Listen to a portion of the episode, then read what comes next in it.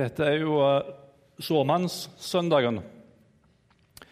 Og det er jo klart jeg, jeg, har jo, jeg har preikt litt før, da. Uh, så da, når jeg da skal ha en tekst, så begynner jeg å kikke etter har jeg preikt over dette før. Men så fant jeg ut at jeg hadde faktisk en uh, tre-fire preiker av denne teksten liggende. Men det blir ikke noen av disse som jeg har brukt før. Det blir noe nytt. Ehm, jeg syns det er en utrolig spennende tekst fra Lukas evangeliet kapittel 8 og fra vers 4. Men før vi leser teksten, så, så ber vi i lag. Herre Jesus, vi takker deg for ditt levende ord. Takk for at ditt ord er sant. Takk for at det ikke er løgn hos deg, men takk for at du taler sannhet. Og Det er jeg så glad for og takknemlig for. Og så ber jeg om at uh, du som er her, du som har sagt at du vil være her, at du taler til oss nå, Herre. Kom til oss, Herre. Kom til oss, Herre, i ditt hellige navn. Amen. Den teksten vi skal lese, altså fra Lukas 8, fra vers 4 til og med vers 15. Og Der står det mye folk strømmet nå til fra byene omkring. Da en stor mengde hadde samlet seg om ham, fortalte ham en lignelse. En såmann gikk ut for å så såkornet sitt, og da han sådde, falt noe ved veien. Det ble tråkket ned, og fuglene når himmelen kom og spiste det opp. Noe falt på steingrunn, og det visnet straks det kom opp, fordi de ikke hadde hvete. Noe falt blant tornebusker og tornebuskene vokste opp sammen med det og kvalte det. Men noe falt i god jord, og det vokste opp og bar frukt, hele hundre ganger det som ble sådd. Da han hadde sagt dette, ropte han ut, Den som har ører å høre med, hør. Disiplene spurte ham hva denne lignelsen betydde. Han svarte, dere er det gitt å kjenne Guds rikes hemmeligheter, men de andre får det i lignelser, for at de skal se, men ikke se, og høre, men ikke forstå. Dette er meningen med lignelsen. Såkornet er Guds ord. De ved veien er de som hører det, men så kommer djevelen og tar ordet bort fra hjertet deres for at de ikke skal tro og bli frelst. De på steingrunn er de som tar imot ordet med glede når de hører det men de har ingen rot. De tror bare en tid, og når det blir satt på prøve, faller de fra.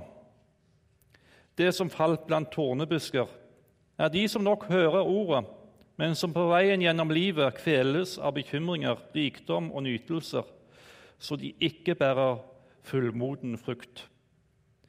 Men det i den gode jord, det er de som hører ordet og tar vare på det i et fint og godt hjerte, så de er utholdende og bærer frukt. I år så er det faktisk 500 eh, år siden Martin Luther spikra opp sine 95 teser på døra i Slottskirken i Wittenberg. Og disse tesene den, de handla i all hovedsak De var retta imot den avlatspraksisen som den katolske kirken hadde.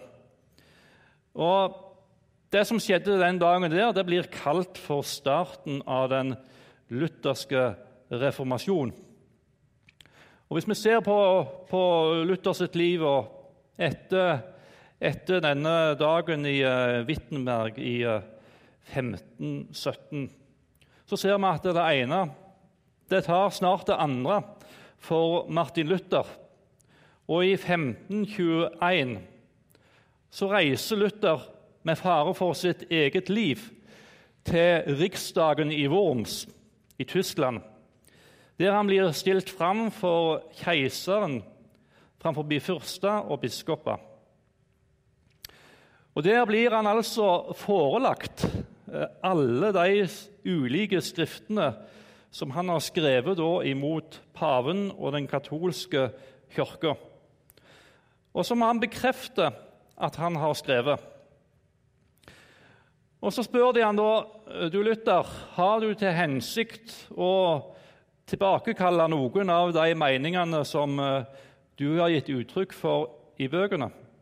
Det er jo, det er jo veldig interessant, det der, synes jeg, da, for han går gjennom da, punkt etter punkt hvor, ble, det, hvor han bl.a.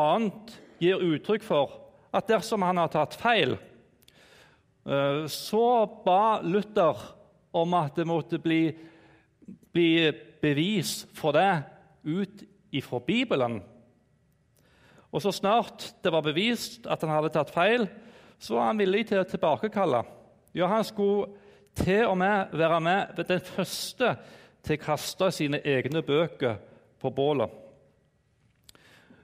Um, og til slutt så sier han, i denne her seansen som vi uh, kan lese om i historiebøkene, så sier han Ettersom Deres aller høyeste majestet og Deres høye herrer krever av meg et klart og enkelt og bestemt svar, så vil jeg gi et slikt, og det er dette. Jeg kan ikke la min tro underkastes verken av paven eller noe kirkeråd, fordi det er klart som dagen at de ofte har tatt feil og sagt hverandre imot.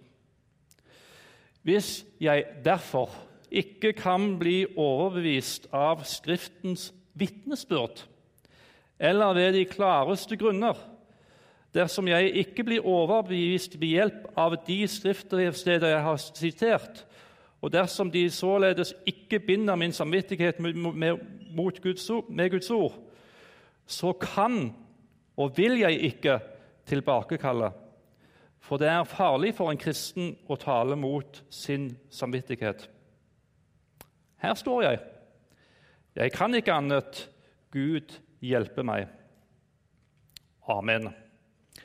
Og Ikke lenge etter det så blir Luther eh, lyst i bann av den katolske kirke.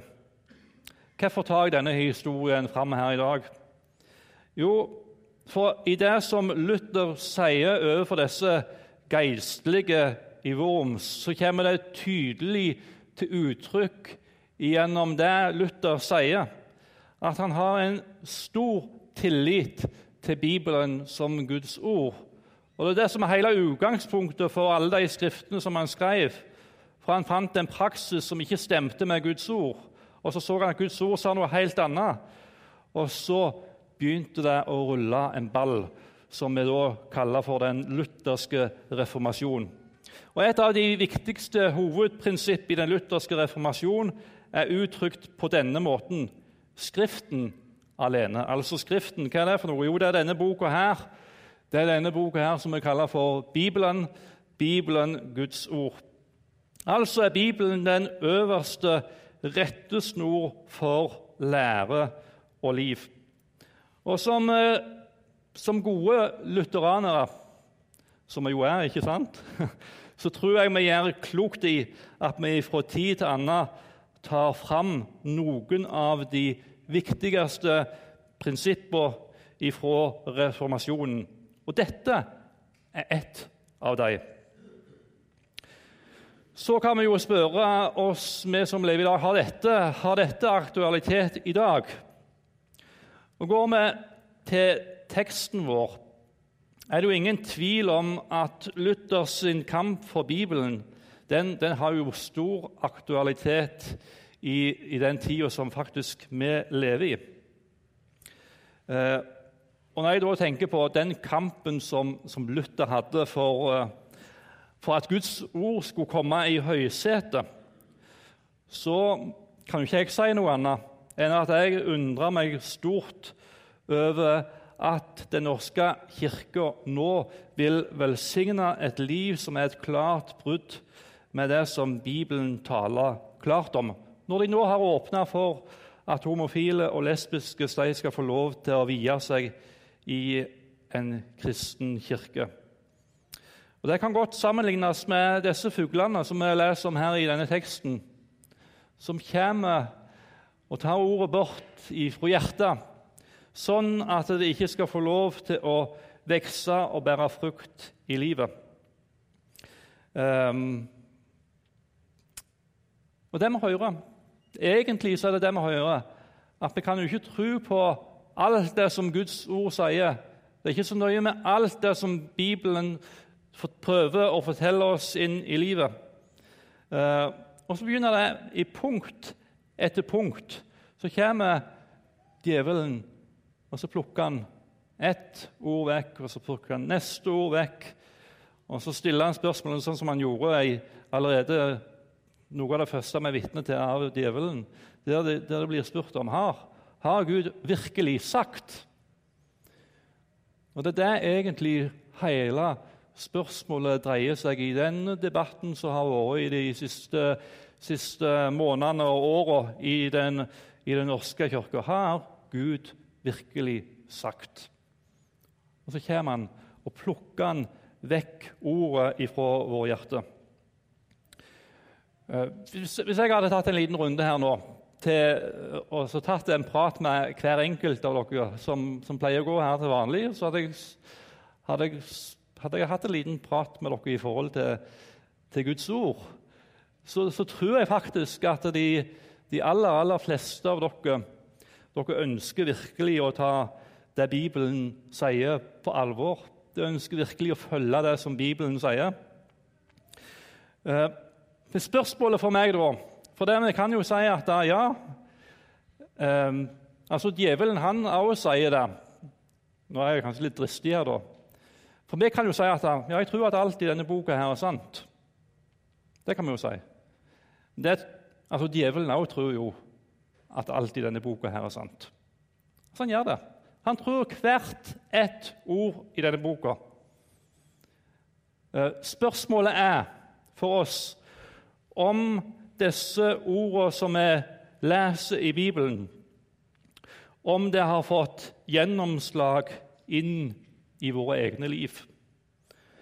For når jeg har sittet, når jeg har sittet og jobba litt med denne teksten, så kan jeg ikke komme forbi at denne, denne teksten her, den blir, den blir, ganske nærgående inn i mitt eget liv. For jeg har hørt utrolig mange preiker jeg har lest Bibelen. Jeg vet hva som står her, og det har jo vi sikkert alle gjort. Men så kommer det et sånn nærliggende spørsmål som egentlig ligger unna i denne teksten. her. Bærer Guds ord den frukten det var tenkt, inn i mitt eget liv? Da blir det ikke bare et fokus på alt rundt meg ellers i samfunnet, men fokuset blir litt inn i mitt eget liv. Har Guds ord fått den plassen det fortjener i mitt eget liv. Eh, for det er jo nettopp det denne teksten handler om. Den handler ikke om at hodet mitt blir fullt med kunnskap, selv om jeg langt ifra Jeg vil ikke forakte kunnskap, jeg tror det er en god ting, og med kunnskap om Bibelen. Men denne teksten handler ikke om det. Den handler ikke om å ha de riktige svar på alle teologiske spørsmål. Selv om jeg syns det er utrolig interessant å ha teologiske refleksjoner omkring ulike viktige spørsmål, og det tror jeg vi absolutt skal ha òg. Den handler ikke om å være bibelsprengt eller bibeltru med munnen. Denne teksten handler om at ordet som blir sådd, at det får spire, at det får gro, og det får vokse til en fullmoden, til fullmoden frukt. Og Skal vi si det litt direkte, så handler det om forandra liv. Eh, den handler om at jeg hører Guds ord, og at det skjer en forandring i livet. Og hvor ofte, Nå tenker jeg bare på meg sjøl. Hvor ofte har ikke jeg sittet på et møte og tenkt ja, dette jeg hører om nå, det må virkelig få lov til å skje en forandring i mitt liv i forhold til det. Og Så går det en dag, går det kanskje ei uke, kanskje det går en måned til meg. Og så er livet mitt tilbake i samme spor. Og Så kommer det sånn veldig nærliggende spørsmål inn i mitt eget liv. Får Guds ord den plass det fortjener i mitt eget liv? Fører Guds ord til et forandra liv? Eh, for vi kan, og vi kan òg av og til hoppe bukk over Guds ord. For det, at det utfordrer oss så djupt inn i livet. For eksempel så kan dette være uoppgjorte ting med andre mennesker. Du vet at du har gjort eller sagt noe imot andre som du aldri skulle ha gjort. Ydmykhetens vei kan være en vanskelig vei å gå. Men jeg har erfart, og jeg vet, at går en den veien der, så fører det til frihet inn i både hjerte og liv. Og Jeg tror det er mange òg som kan ha hatt eh, seksualt samliv før de er gift. Kanskje med den de er gift med, eller kanskje med noen andre. Kanskje noen har utenomekteskapelige forhold. Og så ligger det der noen sånne uoppgjorte ting i livet. Eh, der egentlig Gud ville kommet inn og, og skapt frihet. Kanskje du aldri har tatt skikkelig oppgjør med det i ditt eget liv. Um, eller du kan ha lurt unna noen skattekroner, tatt litt for mye ut, betalt for, for en jobb uten at du bryr deg noe nevneverdig. Og Sånn kunne vi ha fortsatt og nevnt område etter område hvor, hvor Gud ønsker å endre våre liv i retning av hans vilje. Uh, vi kunne nevnt flere ting. Hvordan, er hvordan, er det vi lever i sammen på, på, hjemmet? Bibelen sier noe om det. På arbeidsplassen, i det kristne fellesskapet. Hvordan er det vi forvalter våre penger og evner? Og vi kan spørre oss bærer Guds ord frukt inn i våre egne liv. På ulike måter. Av og til tror jeg vi heller ikke er klar over det. Noen ganger er vi smertelig klar over at nå trår jeg over en grense i forhold til hva det er Gud ønsker for livet mitt. Men noen ganger så tror jeg faktisk en ikke er klar over det. Men så får djevelen så, så på, en, på en enten tydelig eller en umerkelig måte så får han tatt ordet bort ifra hjertet vårt, sånn at det ikke får slå rot og bære fullmoden frukt. Ehm, jeg kjenner at dette utfordrer meg. Gud har mye ugjort i mitt eget liv. Og så har jeg lyst til å si noe om disse tornene Eh, før vi, før vi går imot en avslutning. For det som bland, falt iblant tårene, det er de som nok hører ordet, men som på veien gjennom livet eh, kveles av bekymringer, rikdom og nytelser, så de ikke bærer fullmoden frukt. Og I parallellberetninga i Markus 4, og vers 18 og 19 så står det andre igjen er de som blir sådd blant tårnebusker.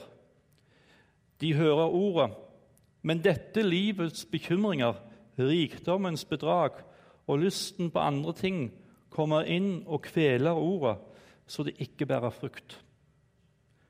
Altså I noen sine hjerter så, så blir ordet kvalt. Det er hvor bekymring, rikdommer nytelse og lysten på andre ting får makten over livet vårt. Der dette har makt over livet, så er det rett og slett ikke plass til Guds ord. Eh, for der er det noe annet som har fått makta og fått rådegrunnen. Ikke plutselig, men på veien gjennom livet kveles ordet sånn sakte, men sikkert, det som skulle bære fullmoden frukt. Og det er klart at Når eh, det ble sådd, så står det faktisk at det begynte å gro. Det var, det, det, var en, det var en start en gang. Og det var et liv som var der en gang. Men eh, på veien gjennom livet, ganske sakte, men sikkert, så ble ordet kvelt. Det var ikke rom lenger for ordet, for Guds ord inn i livet. Ehm, det er ikke lenger noen hunger etter Guds ord. Nå, du, nå vil jeg du skal kjenne etter litt inn i ditt eget liv. Jeg kan kjenne litt i mitt eget liv sjøl. Nå spør vi oss sjøl altså, Der ordet blir kvelt, der er det ikke lenger noen hunger etter Guds ord. Det er ikke noen, eh, det er ikke noen uh, synsbekjennelse. Det er ingen, uh, ingen frelsesjubel i hjertet. For ordet er kvelt av rikdom, av bekymring, av nytelse, av det denne verden har å by på. Jeg tror at vi er ramma mer av dette enn det vi liker å innrømme. Og Jeg vet heller, jeg så og tenkte på det når jeg, når jeg forberedte meg. Jeg vet ikke om jeg er i stand til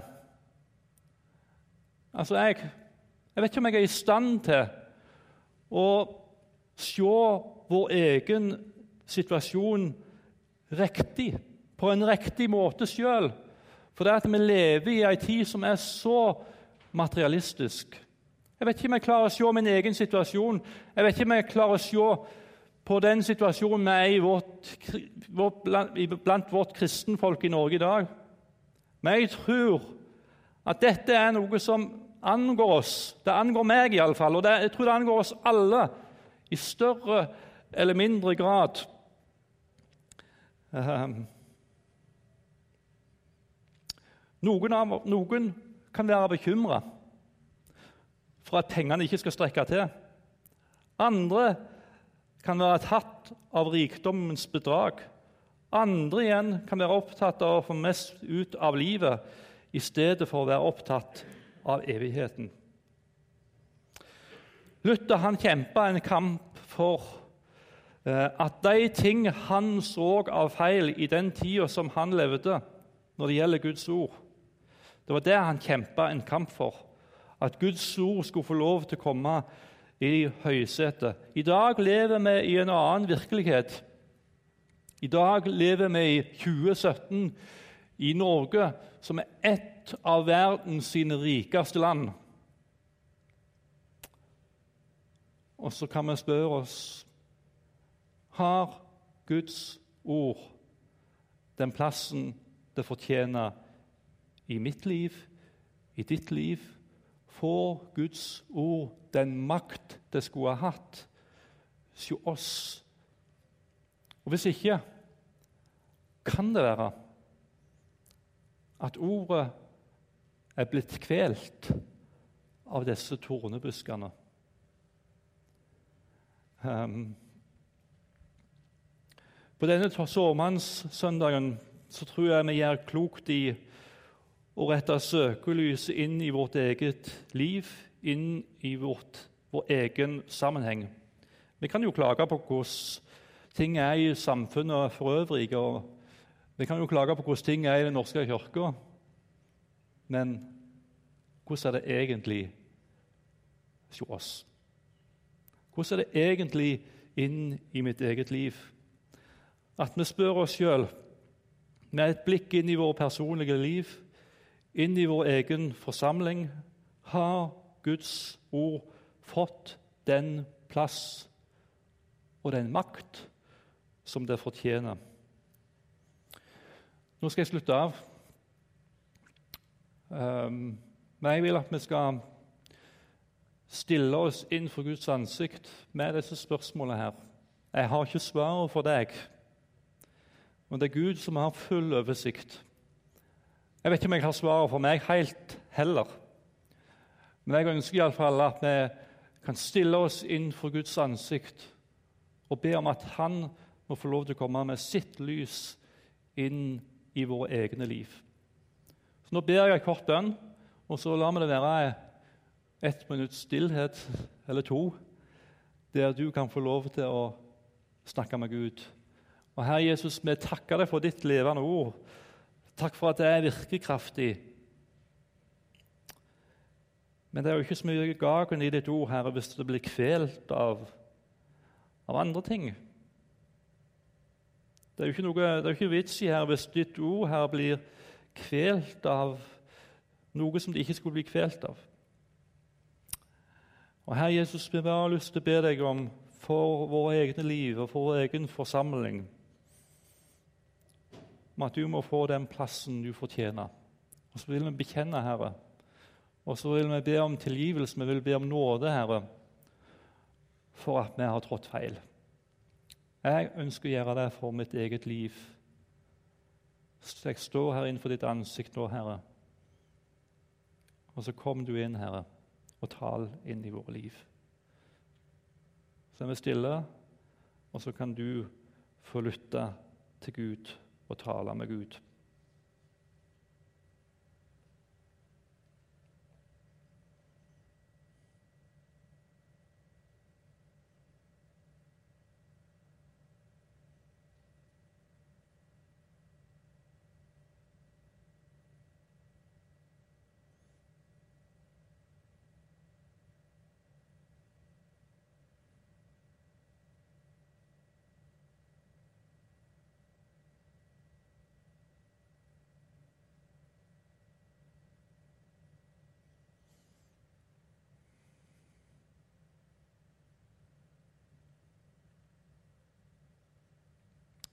Takker deg, Jesus, for ditt nærvær. Takk for Din Hellige Ånd.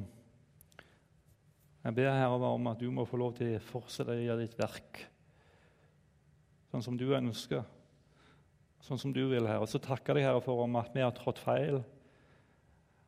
Så står ikke du der og klar med pisken, og, men du står der med nåde og tilgivelse og oppreisning.